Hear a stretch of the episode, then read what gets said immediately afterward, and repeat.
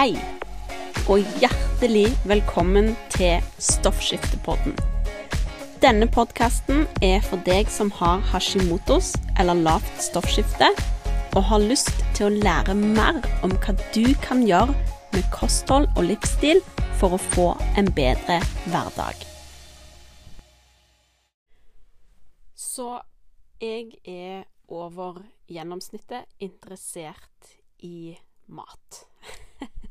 Jeg er utdanna kostholdsveileder. Om ett år er jeg utdanna ernæringsterapeut. Jeg er over gjennomsnittet interessert i mat og påvirkningen mat har på kropp og helse og sinn. Og det er jo sånn at alt som skjer i kroppen, er avhengig av visse næringsstoffer. Produksjon av stoffskiftehormoner. Avhengig av visse næringsstoffer.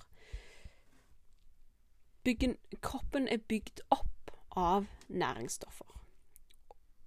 Uten de næringsstoffene så er vi ikke.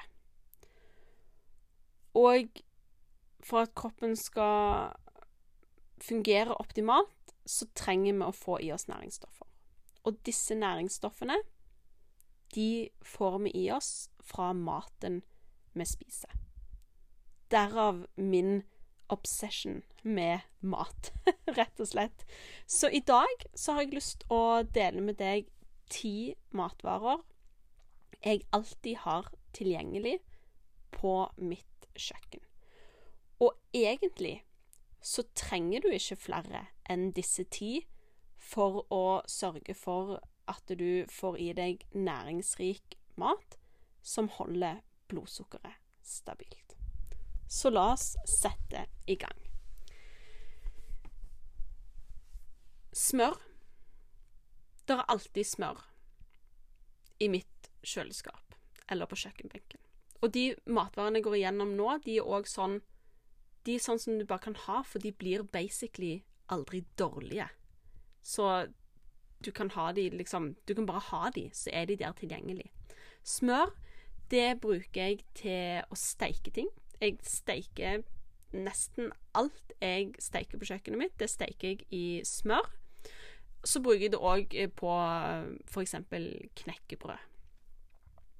Og smør bidrar med sunt fett inn i kroppen din, som kroppen din trenger for å fungere.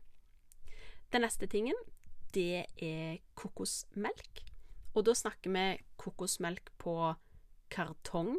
Min favoritt er Santa Maria, den grønne, som er økologiske. Kjempefin ingrediensliste. Hvis jeg ikke finner den, så kjøper jeg den lille, altså. Og jeg er ikke sponsa av Santa Maria for å si det, det er bare det er den som har den beste ingredienslisten i, på en vanlig matbutikk. Og det er òg en sånn ingrediens som jeg bruker i veldig mye for å få, sørge for å få i meg nok sunt fett. For at retten skal inneholde nok sunt fett. Jeg bruker det mye i suppe.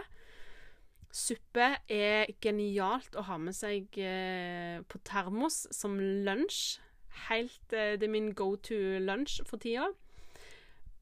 Eh, du kan også lage, lage skiapudding av det. Veldig enkel måte å, å få opp eh, Passe på at eh, maten du spiser, har nok sunt fett i seg.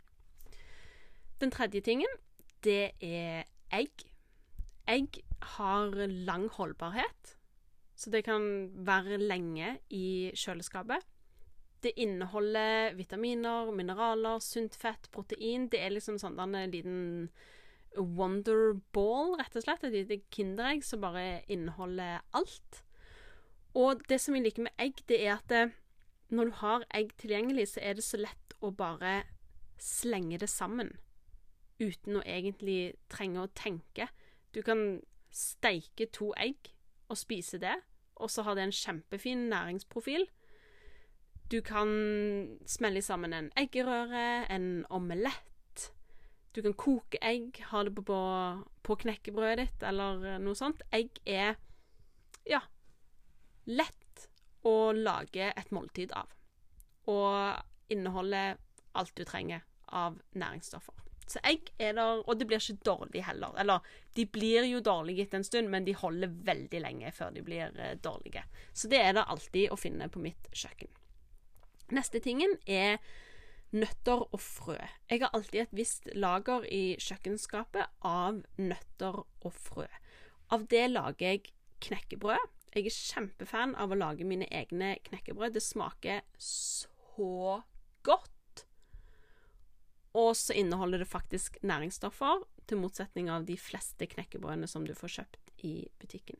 Jeg lager òg min egen granola. Jeg bytter på å lage knekkebrød og granola. Og så har jeg alltid noen paranøtter stående, for de inneholder selen, som er viktig for stoffskiftet. Neste tingen jeg har i skapet, det er eplesidereddik. Den bruker jeg til to ting, og når jeg sier eplesidereddik, så mener jeg eh, type den fra Helios og sånt, som er eh, upasteurisert og skikkelig eplesidereddik. Heller ikke sponsa av Helios, by the way. Eh, men den får du på de fleste vanlige matbutikker, og det er et bra produkt. Jeg bruker det til å bløtlegge nøtter og frø. Jeg lager, som sagt, jeg lager mye hjemmelagde knekkebrød. Jeg lager mye eh, min egen granola. Akkurat nå jeg diller på knekkebrød. Og de inneholder antinæringsstoffer som trenger å brytes ned. Så jeg typisk eh, nøttene om kvelden og lager knekkebrød på morgenen, da. Og når jeg bløtlegger nøttene, så har jeg oppi vann, obviously, og en dash med eplesidereddik og litt salt. I tillegg så kan eplesidereddik være et kjempefint verktøy hvis du trenger å øke magesyreproduksjonen din. Og det er òg sånn som kan stå i, kjøles, eh, i kjøkkenskapet forever uten å bli dårlig. Neste ting fiberhusk. Det er òg en sånn pakke som varer for alltid i skapet. Jeg har alltid fiberhusk. Det bruker jeg for å binde sammen knekkebrødene mine til knekkebrød. Så har jeg alltid extra virgin kokosolje. Det er sånn alt mulig middel. Jeg bruker det i kaffen om morgenen sammen med kollagen. Jeg bruker det som sminkefjerner. Jeg bruker det som bodylotion bruker det når jeg skal steike ting på Skal steike ting på høye temperaturer og ikke har lyst til å bruke smør. Gjerne hvis det er der så høye temperaturer at smøret òg blir brent og ødelagt, på en måte, så bruker jeg kokosolje istedenfor. Så har jeg alltid extra virgin olivenolje tilgjengelig. Det er òg en fin måte å få nok sunt fett inn i maten. Jeg bruker det typisk til å helle over salater eller til å slenge sammen en enkel dressing. Dressing er totalt unødvendig å kjøpe. Det kan du bare slenge sammen eh, sjøl. Går kjempefort. Så har jeg kjøtt. Stort sett i fryseren. Jeg kjøper kjøtt direkte fra bonden i store kvanta, og så har jeg det i fryseren. Det er genialt av flere grunner. Bonden får skikkelig betalt. Jeg får billigere kjøtt, fordi at det å kjøpe store kvanta har en billigere kilopris. Så jeg får billigere kjøtt, men bonden får mer betalt fordi jeg kjøper det direkte av bonden. Igjen genialt. Og jeg kan da velge å kjøpe kjøtt fra dyr som har hatt eh, et godt eh, liv. Og når jeg har forskjellige kjøttstykker Jeg kjøper typisk eh, storfe, lam og gris, som jeg har i fryseren.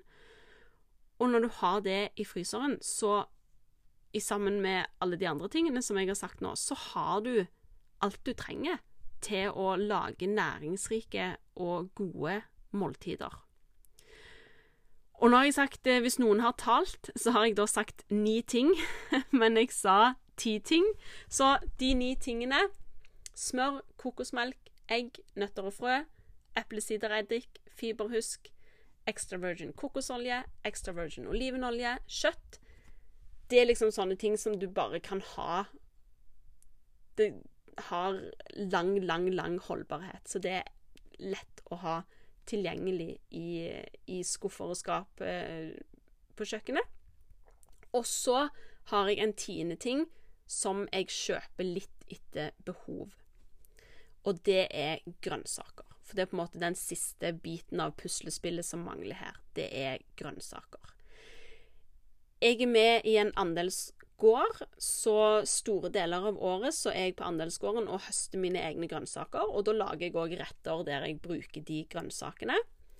Men i vinterhalvåret så handler jeg òg en del grønnsaker i butikken. Og da handler jeg som oftest Det som oftest havner i min handlekurv, er løk, brokkoli, gulrot, vårløk, purre, avokado, hvitløk, chili, tomater. Det er det som stort sett havner i, i handlekurven min.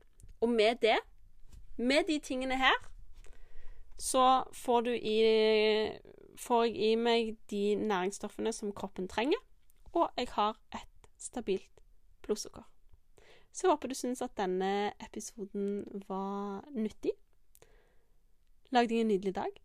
Lag deg en nydelig uke. Og så snakkes vi.